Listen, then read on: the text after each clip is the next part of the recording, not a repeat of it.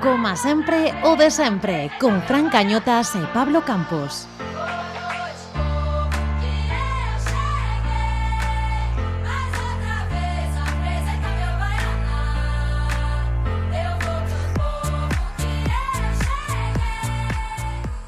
Ola, ola, señoras, e señores, moi boas Benvidos a este terceiro episodio do noso podcast Celeste Volveu a primeira división para o Celta Como xa sabedes, con derrota fronte ao Atlético de Madrid Un partido que comentaremos no tempo de análise. Ademais, hoxe visítanos Berto Carballo, responsable de Canteira Celeste, novo medio oficial do club. Comeza, como sempre. O de sempre.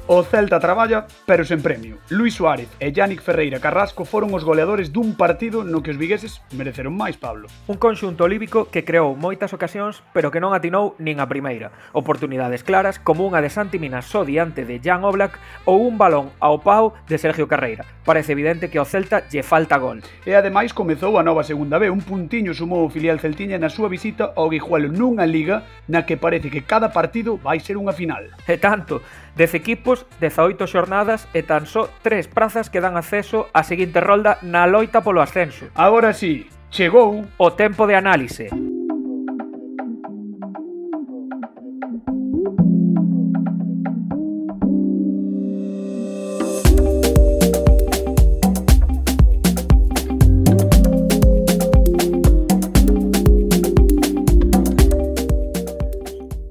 neste tempo de opinión están connosco para analizar esta sexta xornada de Liga dous xornalistas que seguen a diario a actualidade do Celta de Vigo para a radio. Eles son Santi Peón da Cadena Cope, que tal? Como estás? Hola, Cañotas, que tal? Moi boas tardes a todos. E José Ribeiro de Radio Marca, que tal? Como estás?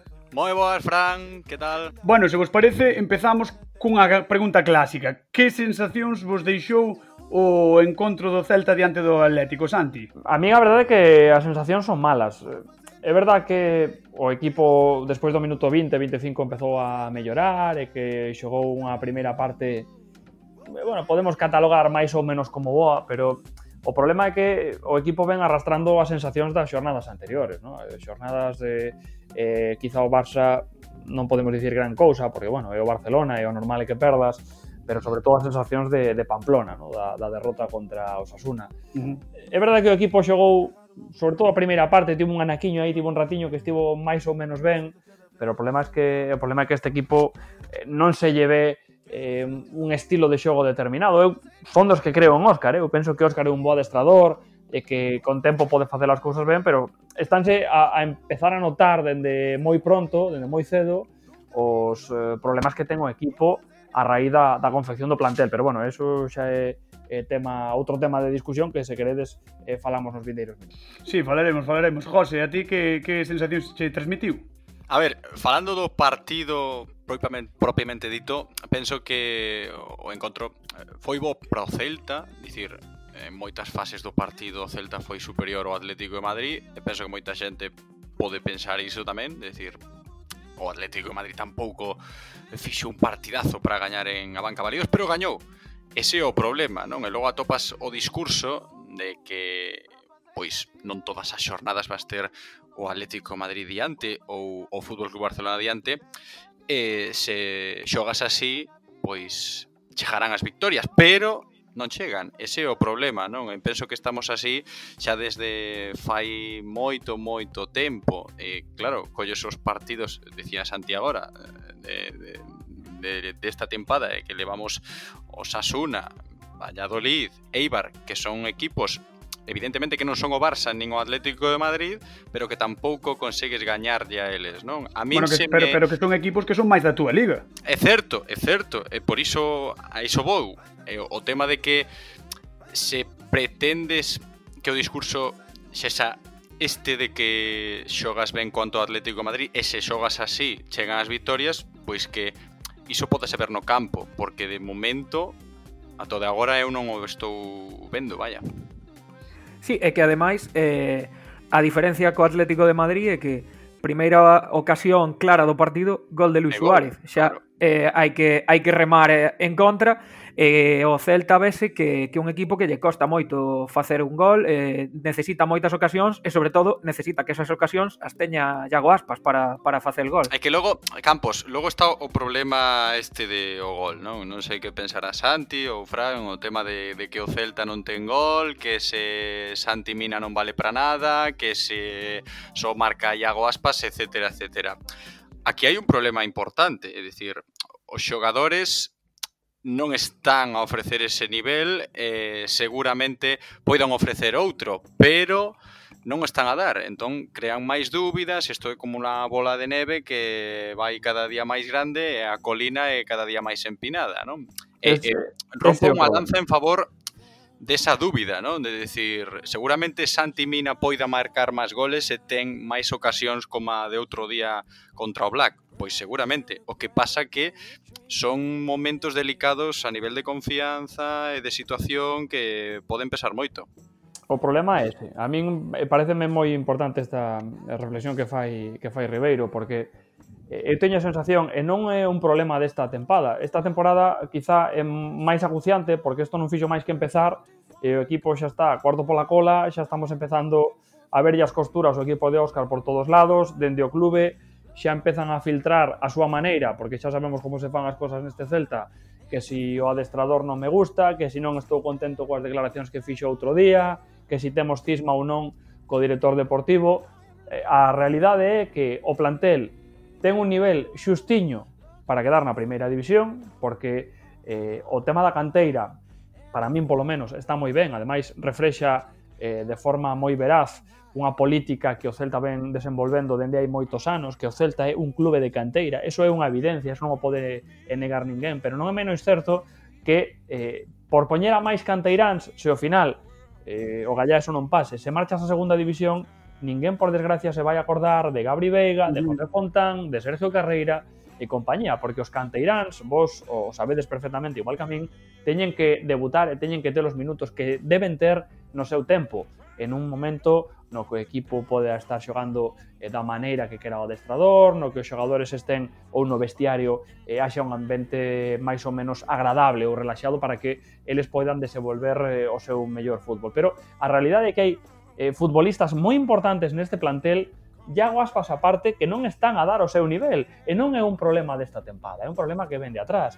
Esperamos moitísimo de Denis Suárez, este ano xa non lle vale a excusa das lesións, é verdade que o ano pasado tivo moitos problemas físicos, este ano en principio que eh, sepamos non os ten, esperamos moitísimo de Santimina, Santimina, claro, que o mellor nos vindeiros partidos marca moitísimos goles e remata a temporada con 15 ou 20 goles, o Gallá, pero en o principio Gallá. non sería o esperable, máis que nada porque Santi Mina ten un problema, empezou moi xoven en todo isto, chegoulle o estrellato moi rápido, a marcha ao Valencia, e Santi Mina non está implicado nun equipo no que non eh, non se xoga para el. Sa sabes o que pasa, Santi, falando do rendemento de Santi Mina, de Denis Suárez, de Brais Méndez e de outros tantos na, na situación do Celta, no plantel do Celta, é que o partido do outro día contra o Atlético de Madrid a min deixoume esa dúbida, non? Ou ese debate que vou plantexar agora.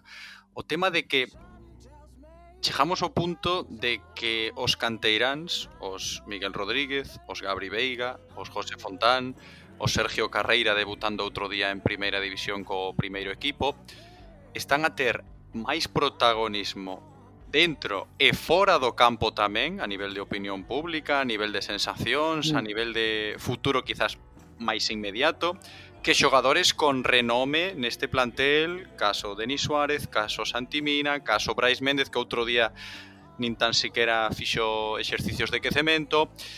Este é un debate, un tema que forma parte agora mesmo neste intre da temporada do curso do Celta, da, da opinión do que está a xenerar todo o equipo celeste, o peso dos canteiráns, dos rapaces, que non deixan de ser rapaces do filial e, e xuvenís, incluso, algúns deles, por riba de grandes nombres neste plantel.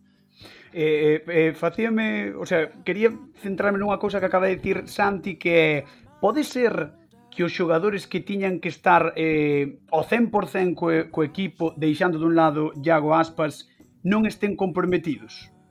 Eu penso, na miña opinión, eh? eu penso que hai algún que non. Eu penso que hai casos, por exemplo, como a de Denis Suárez, Denis ten unha calidad que está contrastada, porque ademais xogou en grandes equipos, pero é verdade que Denis é un xogador que se atopa moito máis cómodo en equipos que xogan un pouco máis en torno ao seu fútbol. Vímolo máis ou menos ben no Villarreal, no Arsenal, é verdade que non tivo sorte porque tamén tivo moitos problemas de, de lesións, eh, pero o vimos cando no Barça tivo non foi moitas veces, pero cando tivo algo de continuidade parecía que no Barça, claro, rodeado de Messi, me posa a mí, que son un torcebotas, e mellor, pois tamén eh, parece que xogo ben o fútbol, e son malísimo. Bueno, eh, eu penso que hai que distinguir entre futbolistas que insisto, é a miña opinión, eh? cada un aquí pensará o sí, que sí. queira, que para eso estamos aquí eh, falando un pouco de, da actualidade do Celta. Hai xogadores que non están comprometidos, que non están metidos de cheo, que non están adestrando o 100%, porque hai xente todavía moi xove, insisto. O caso, por exemplo, de Santimina, que lle chegou todo moi rápido. Eu lembro que chegou o primeiro equipo con 18 anos, eh, en vez de Santimina, eh, parecía que o Celta tiña fichado, tiña formado na súa canteira a Ronaldo Nazario, ou un dianteiro dese nivel, o rapaz marcha eu, para Valencia. Santi, ainda, lim, ainda lembro aquel partido ante o Rayo Vallecano cos 4 goles de por Santimina e, eh, eh, que todo o mundo xa pero, falaba de Santimina por iso. Pero José, ti eh, seguro que lembras perfectamente aquel partido igual que a min con aquel esquema que puxo en Balaídos, con aquel tridente que ademais tiña por aquel entonces Berizos, se non me falla a memoria, o equipo que puxo Paco Gémez e que nos pon a, a, a Campos, a Cañotas, a ti e a min de dianteiros, sí, sí, sí, e o, o resultado é o mesmo. Sí Eh, é eu non dubido da vosa calidade, dubido da miña, non dubido da vosa, pero a realidade é que, claro, eh, Paco é un adestrador que moitas veces eh, xoga con lume. E, por exemplo, en Balaídos, ese partido que foi referencia, eh, pasoulle factura aquel partido. Pero hai xente que, que directamente non está. Hai xente, referíame a Santi Mina porque Santi é deses futbolistas que é moi xoven, que volve a casa e xa non volve como cando chegou a primeira vez, con 18 anos para facerse un ojo, non, volve xa do Valencia, nese troco, nese intercambio con Maxi Gómez, evidentemente todas as miradas están eh, sobre as súas costas. Eh, claro, chega un momento, que está chamado a ser importante Santi Mina neste equipo. Pero el sabe que comeza a temporada e por unhas cousas ou por outras Santi Mina non xoga.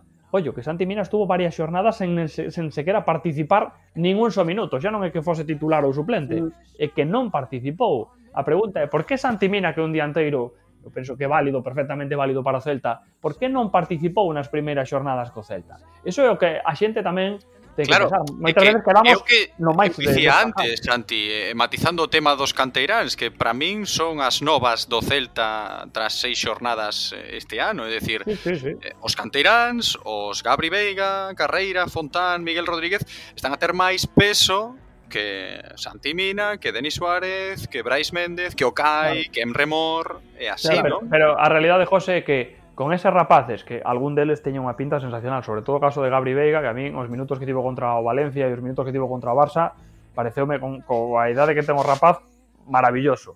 Pero a realidade é, realmente este equipo pode loitar por salvarse nas últimas xornadas, poñamos, o Gallegas con o empate, Pero se chegamos ás últimas xornadas como aconteceu a temporada pasada, Cornellá o último partido contra o Español, sabendo que se lle pitan ese penalti de Jovic co Leganés, eh, o Celta está seguramente na segunda división, ti crees que te podes plantar este ano con os catro canteiráns ou con un ou con dous no equipo inicial nese último partido xogando o descenso. Eu Non, está claro que non, e, e que por iso tamén non só falamos ou se fala a xente, a opinión pública e os demais medios de comunicación dos xogadores, non? Dos que non meten os goles, que tan só marca Iago Aspas, que non están a bo rendimento xogadores importantes neste plantel, por detrás incluso destes eh, rapaces que mencionamos, eh, é lógico, non? Pero eh, tamén hai que pensar en que non só existen os xogadores nesta ecuación, Uh -huh. Dicir, hai unha planificación deportiva, moito se falou desto claro, tamén, claro. hai un entrenador que leva seis victorias en 32 partidos que xa leva ao frente do equipo, etcétera, etcétera. Pero, pero a cousa é, a cousa é, eh, se, se todos diagnosticamos isto agora mesmo do que lle pasa no Celta, que non é algo que non lle pasase xa o ano pasado cando se trouxo a todos os xogadores que se trouxo esa reconfiguración do Celta non máis celeste ca nunca. Eh, entón que tipo de proxecto lle vendeu o club ou que tipo de proxecto tiñan na cabeza para que estes xogadores cheguen aquí e en cuestión de meses, semanas eh, estén desmotivados ou, ou non estean tan motivados como deberían? Que eh, eu penso que os proxectos no Celta nas últimas temporadas van por dous camiños distintos. Aquí hai unha realidade que é innegociable, porque o din os números. Eh, no fútbol moitas veces podemos falar de moitas cousas, pero se a pelotiña non entra na portería rival, claro. estás onde estás. A realidade é que, dende que marchou Eduardo Berizo, isto é un argumento moitos pensarán oh, que simple, xa está Santi Peón con esta simpleza tan absurda. O que, que, que pedazo libro escribió Santi Peón, eh, de aquella Moitas época. gracias. Ti, ti que me queres, porque senón non dirías eso. A realidade é que dende que marchou Eduardo Berizo, este Celta non carbura. E non carbura por varias cousas, evidentemente non hai só un erro. Para min o principal é que a dirección do clube, a dirección deportiva do clube e a parte puramente deportiva van por camiños paralelos, pero que non se tocan en ningún momento. Isto é un problema gravísimo. Al final, se vos dades conta, os adestradores que foron pasando polo banquiño de Balaídos nas últimas temporadas, insisto, dende a marcha de Eduardo Berizo, eh, cada cal infinitamente diferente do anterior, eh, moitos deles foron eh, proxectos eh, casi que esgotados antes de chegar, ideas ou adestradores que non coñecía ninguén, que de repente chegan a España, o que sucedeu, por exemplo, con Mohamed ou bueno, que, bueno, o, o que aconteceu con, con Cardoso sen ir máis lonxe. Sí, sí. Eh, eso por un lado. Despois, as fichaxes.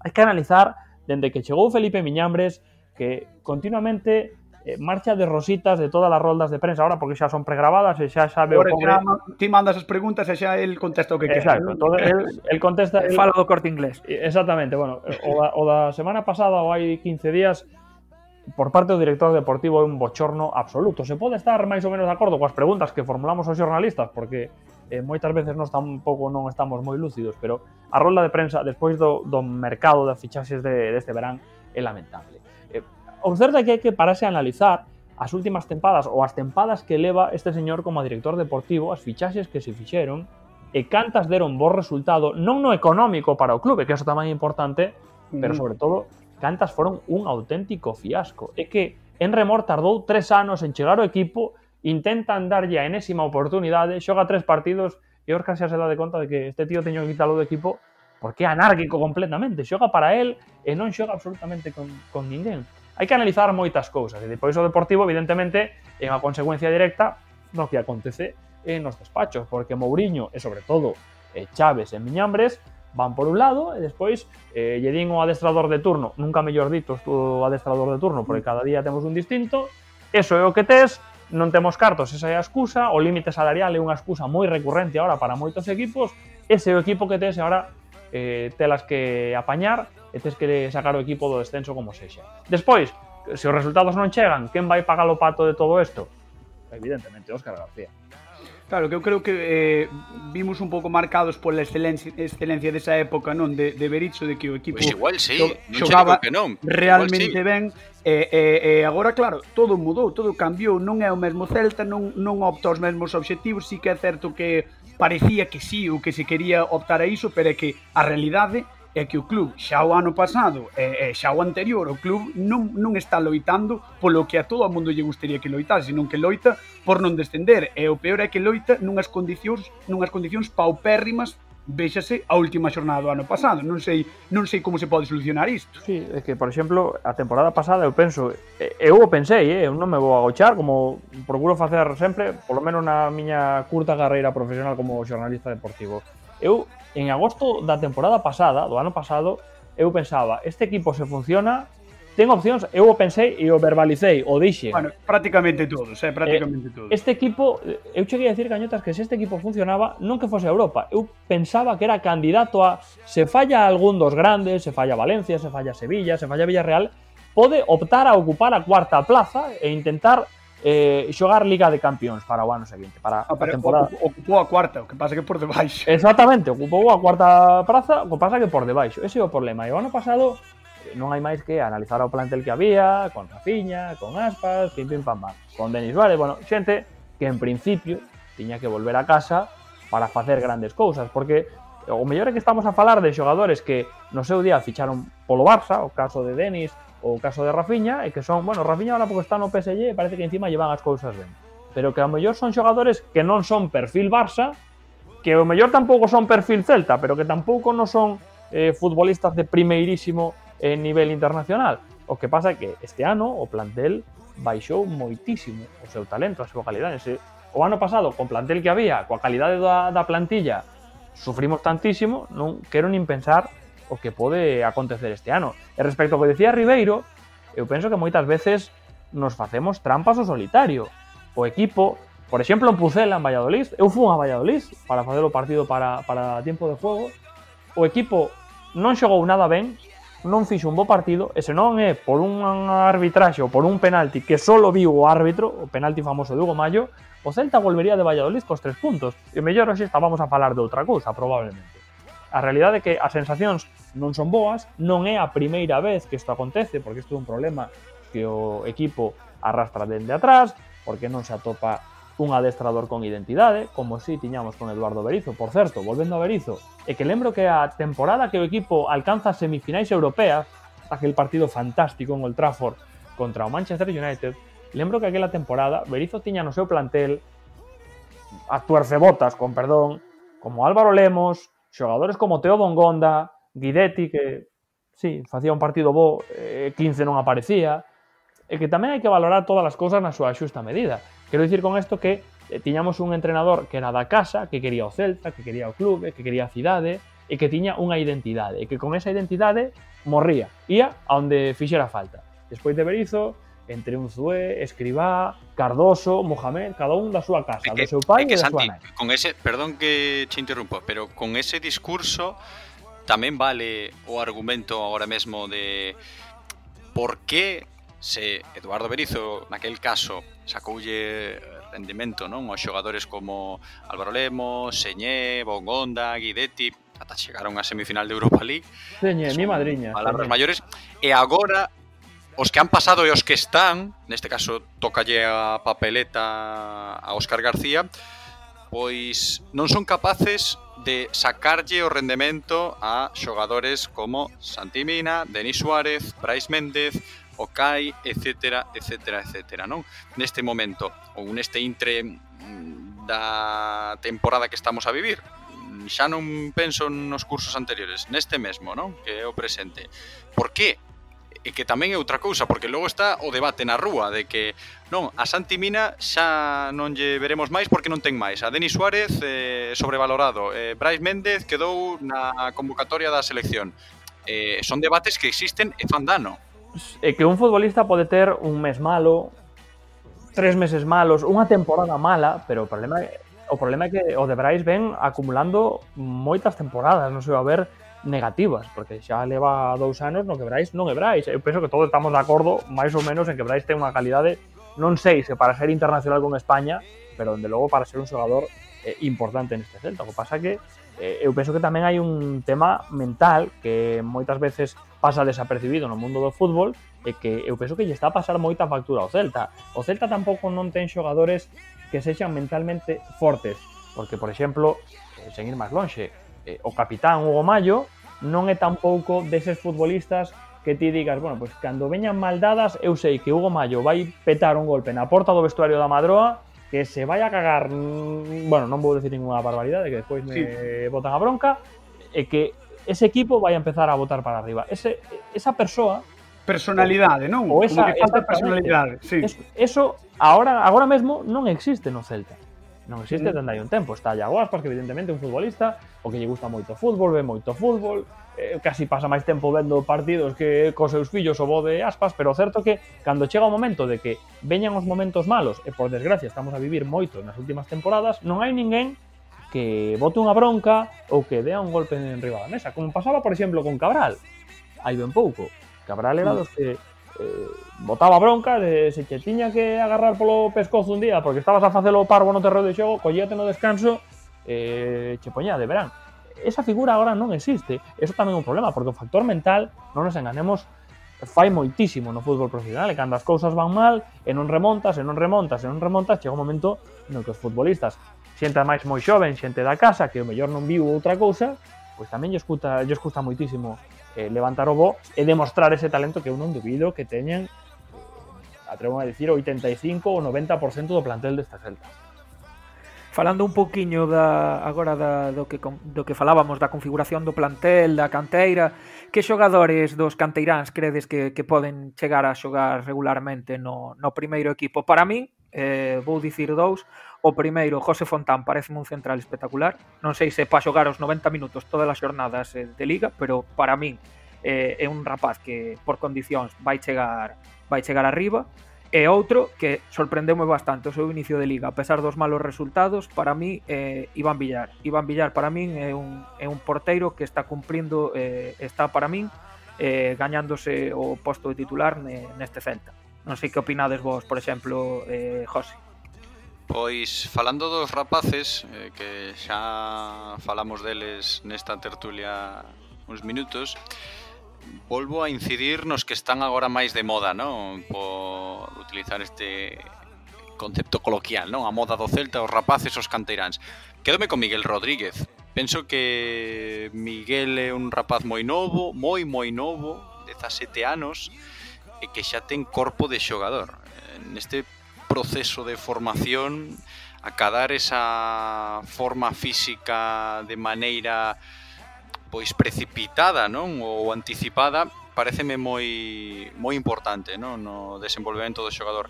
E tivo minutos, eh, foi o choque, force xeou aí cos centrais de primeira división, vai sen medo, e penso que pode ser un xogador moi a ter en conta porque aínda é moi, moi, moi novo e xa está formado. Para min, eh? José Fontán tamén, como central, penso que é un perfil similar noutra posición, e Gabri Veiga, quizáis, pois, na demarcación do campo, o nivel físico e demais é moi diferente a estes dous que citei, pero moita calidade tamén en, en Gabri. Eh, relacionando un pouco este tema da planificación da, da plantilla do que falábamos antes e do tema dos canteiráns, e fixadevos que despois de que xogase de titular contra o Barça, se non me falla a memoria, foi o propio Óscar quen dixo de Fontán que o poñía nesa posición e que o poñía ante o Barça de titular porque era o futbolista que tiña mellor visión de xogo vertical. Isto o quero levar a que a mí me parece un central que coa idade que ten, ten un futuro prometedor na primeira división, pero isto quero levar en cuanto a planificación deportiva que... Claro, ti di iso dun, dun, claro, dun rapaz da canteira. Que verá Óscar en Aidó, en Murillo, en Araujo, que tamén menudo inicio de temporada que está a facer o mexicano, que verá en Olaza, que chegou polo seu costado, e que contra o Barça, claro, Olaza, o tema, Olaza... Santi, o de antes, eh, por que pon a Gabri Veiga ou a Miguel Rodríguez antes que noutras veces no pasado neste ano a Santimina ou, ou outro día o sábado a Brais Eso, o, o eterno debate é porque non porque ve que os que teñen do primeiro plantel non lle dan o que el quere ou directamente claro. estálle dicindo a directiva e aos afeccionados, mirade, isto é o que hai, temos Canteirán, se temos los moi vos, pero con isto para quedar en primeira non nos chega. Uh -huh. Está, está sendo, está sendo un, un debate bastante duro e intenso con respecto ao Celta de Vigo. Por ir pechando así un pouco, porque xa levamos un cachiño eh, falando, previa contra o Levante o Levante, o equipo que agora mesmo é o pecha cancelas, pero bueno, é certo que ten un partido menos, podemos comezar xa a falar de que hai que gañar imperiosamente sí ou sí e máis este partido contra o último da categoría agora mesmo? Eu penso Primeiro, que sí. Eu penso que sí. Eu non son dos que fala, non, de votar adestradores e eh, o adestrador del mm. turno ten que marchar, porque eu son bastante empático, eu digo así, non? Igual a veces non non meto na piscina, non me mollo nin aínda que, mm. ainda que chova, pero estáme a preocupar moito a situación a nivel de opinión pública, a nivel de sensacións, eh, do que fala a xente do Celta, non hai bo ambiente, non hai bo ambiente. E eh, claro que eso merma. Eh, non quero imaginar unha derrota xogando mal o Luns ante o Levante. Evidentemente no fútbol o primeiro señalado é o adestrador. Eh, podería ser unha semana moi moi complicada se o Celta non ofrece unha boa imaxe no partido contra o Levante. Sí, a realidade, a realidade é que o resto de equipos van sumando puntos, porque, por exemplo, eh, o Elche, que a min é un equipo que non é que me apaixone en demasía, pero ten sete puntos con dous partidos menos. Estamos falando un recén ascendido e que obviamente vai estar competindo co Celta por salvar a categoría. Ou o Cádiz, por certo. O Cádiz ten 10, eh, Ribeiro é moi empático, pero é, aínda se cabe é máis simpático que empático, eh? Isto, isto que, quede, que quede ben claro. Eh, eu, eu penso, eu, agora falando en serio, eu penso que de cara ao partido do Luns contra o Levante, eu penso máis ou menos eh, sabendo, coñecendo como pensa a dirección deportiva, ou a dirección do clube sobre os adestradores, eu penso que non corre risco, aínda que isto dicilo eh, arriscarse absolutamente, eh, non corre demasiado risco o adestrador Óscar García, pero si penso que se non eres capaz de gañar os partidos que tes na casa e fora, contra rivais directos, como neste caso e como día clasificación, aínda que ten un partido menos, é certo, e rival directo como é o Levante, se non eres capaz de gañar os teus rivais directos, claro, despois o que non nos vale a excusa de é que non todas as semanas imos ter diante o Madrid o Barcelona ou a Real Sociedade que vai de líder, non, claro, mm, claro. vale, con, contra eses vale che a excusa, pero se despois vas a Valencia e non llegalas a non llegañas o Levante, é, é que entón as excusas agótanse absolutamente atreve, atrevedevos a, a facer un, un resultado, unha pequena porra do que poida pasar. Non resultado exacto, pero pero que se pode que se pode ver nese partido. José, por exemplo. Pois, a ver, eh, o Celta como visitante pff, non invita a pensar en cousas boas. Non, non, optimismo un pouco, non? Non, non, non. No. Eh, xa dende hai moito. Eu cun empate con goles conforme. Despois de 300 e pico minutos, non? E que, se non, marcar, se, non? que non sexa gol de Iago Aspas, por favor. Vale. Se non, non ten gracia, conto. Se, se non, non pasamos páxina, estamos sempre no día Exacto, da marmota, non? Claro. Que a mesma historia que dicías antes. el ti, Santi. Eh, sendo o partido o luns, a primeira vez que o Celta vai xogar un luns a noite contra o Levante, o partido eh, penso que se vai a xogar no Estadio da Cerámica porque o Cidade de Valencia ainda sí. non están rematadas sí. as obras é verdade que os argumentos que pomos encima da mesa son tan horribles todos, eh, mire, con que gaño o Celta un penalti inxusto no último minuto 0-1, a mí é máis que suficiente, porque eh, eu son dos que penso que en canto o equipo consiga unha xeira de resultados máis ou menos boa, non estou falando de que o equipo gañe 15 partidos do tirón, porque iso é prácticamente imposible, pero gañar un partido, empezar a gañar fora, empezar a sumar fora da casa, e que ese resultado se vexa despois eh, reflectido no que fagas na casa, penso que vai empezar a mellorar as sensacións de todo o mundo, porque estou de acordo con Ribeiro, o ambiente que agora mesmo hai en Vigo en torno ao Celta é delicado, porque a xente ven moi queimada, con toda a razón do mundo, dende hai eh, varias temporadas. E o problema é que ahora xa te cansas de mirar para os xogadores uh -huh. e te cansas de mirar para o adestrador. Evidentemente a xente que non é tonta, que non é parva, empeza a mirar para o palco, empeza a mirar para, para as oficinas de príncipe. Bueno, José, Santi, Santi, José, moitísimas grazas por, por estar aquí connosco no Coma Sempre de Sempre Radio Marca e a COPE unidos antes das 12 da noite porque ás 12 da noite xa podemos coitar el partidazo de COPE nas dúas emisoras moitísimas grazas aos dous e, e nada, a ver se, se gaño o Celta no próximo partido Eso, a tocamos ver, madeira. Tocamos gracias madeira. a vos tamén, unha eh, aperta. Estou Venga, rapaz. dando capirotazos coa cabeza a modo de tocar madeira. Gracias a vos pola invitación, eh? moita sorte con este proceso que ten unha pinta espectacular. Saudos a todos. Nada, chamare, chamaremos máis veces, que dades moito xogo. Veña. Cando que dades. Chao, chao. chao. chao.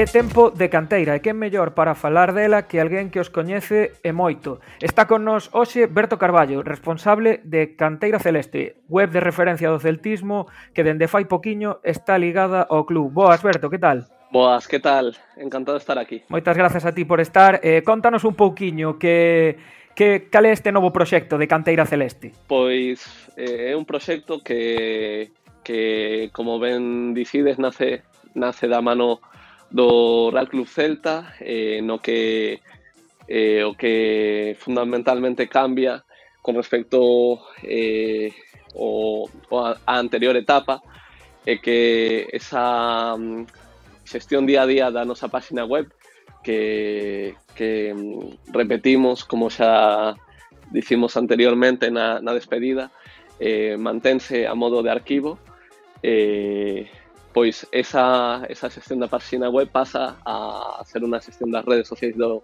do club con apoio da, da web do Celta eh, no tema noticias.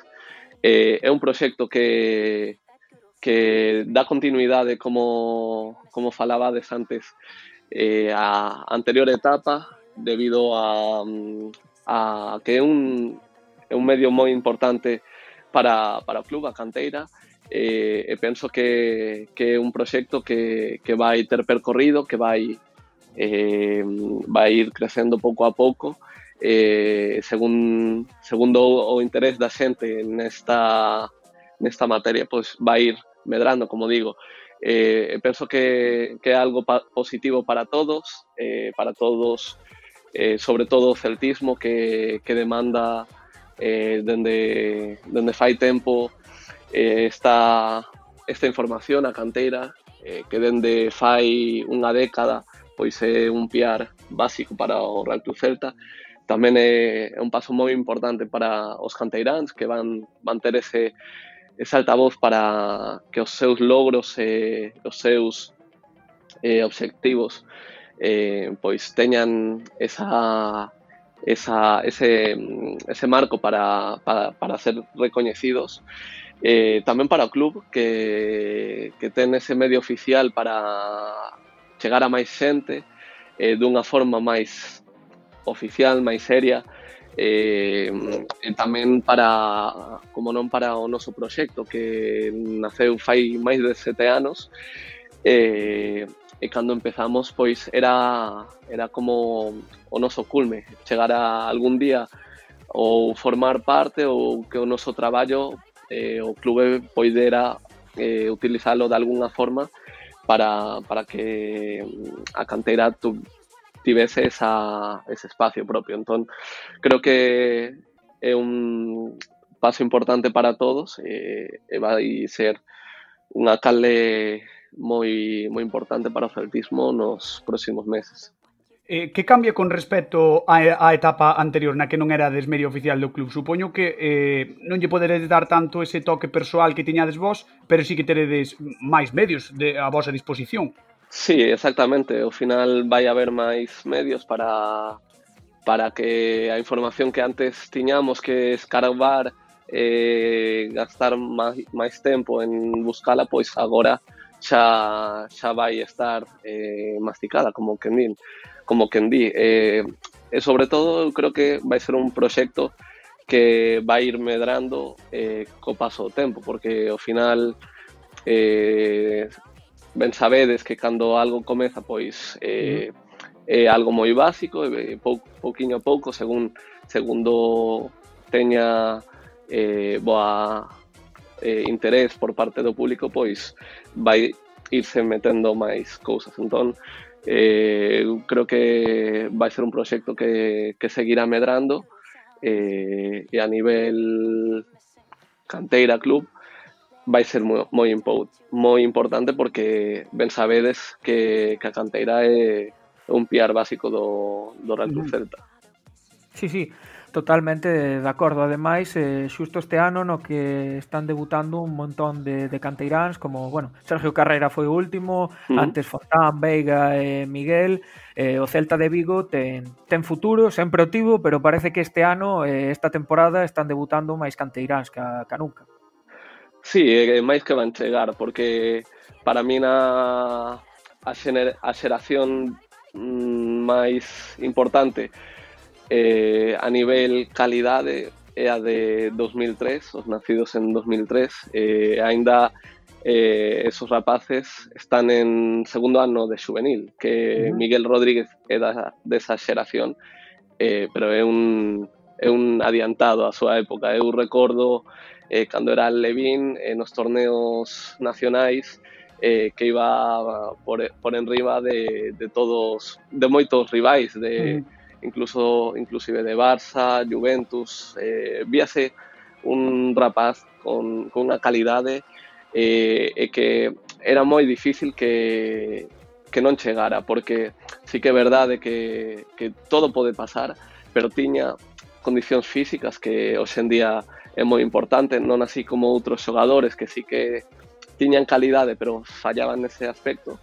Eh, pero Miguel xa de, dende mozo era un rapaz que tiña un físico imponente, que que tiña o gol por castigo.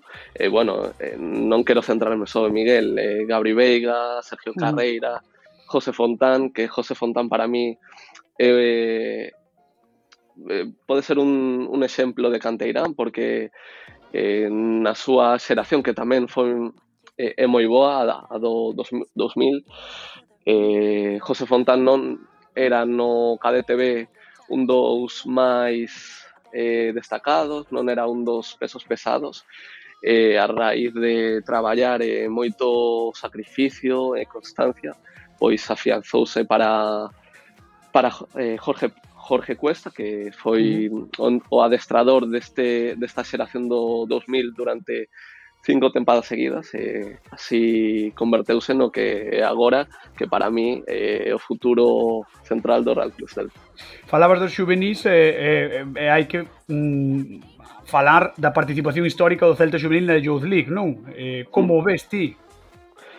Pois eu creo que é algo moi ilusionante un premio, para, non? para todos, sí, un premio porque eh, o traballo do club neste censo pois eh, está sendo eh, moi bo, eh, levan moitos anos consecutivos eh, dominando a, a, a División de Honor Juvenil eh, e con récord de puntuación. Xa fai dous anos logrouse o récord histórico de puntuación eh, coa xeración do, do, do, do, do 2000 eh, a tempada pasada se non fora polo coronavirus ese registro eh, eh, ia ser superado facilmente porque o Celta creo que ata ese intre só levaba un empate, o resto todo victorias.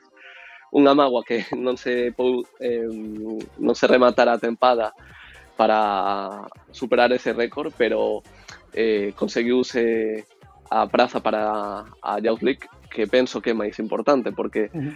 se houvese Liga de Campións, aí xogaste a, a varias eliminatorias e ter que superalas todas e, e gañar na final para ter acceso a esa praza. Entón, eh, iso ou que o Celta eh, entrara en competición europea.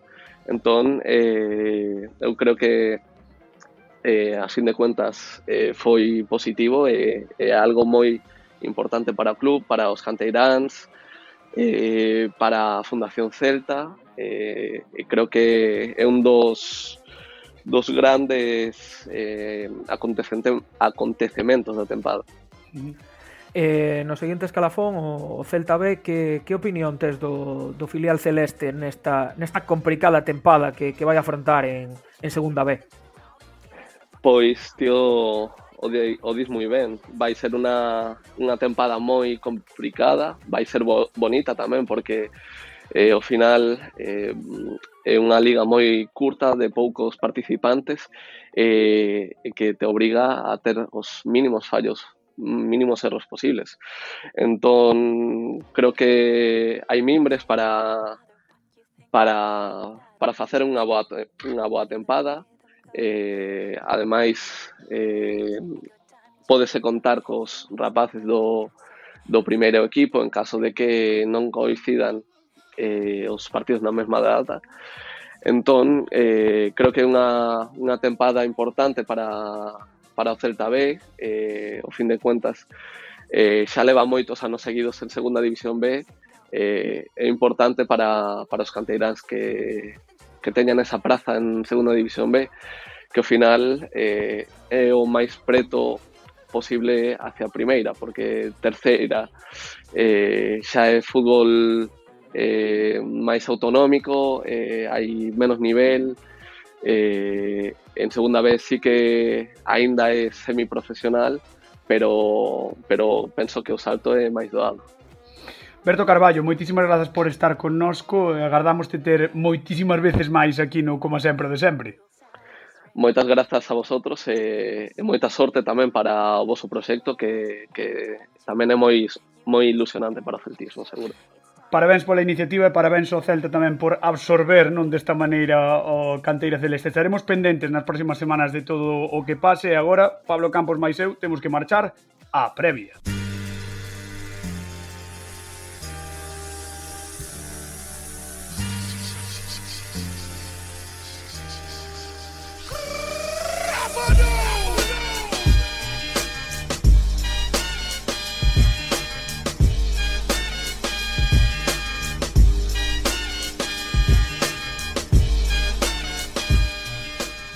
Tal e como falamos na tertulia, o Celta visitará ao Levante o próximo luns día 26.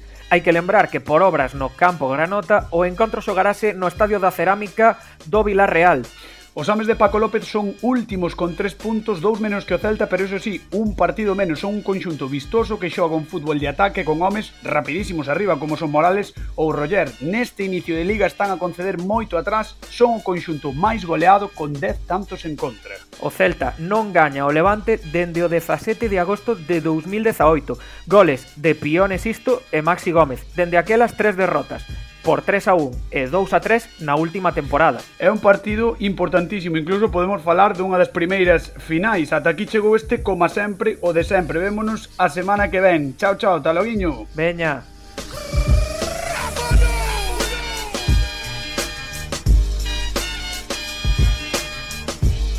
Como sempre o de sempre, con Fran Cañotas e Pablo Campos.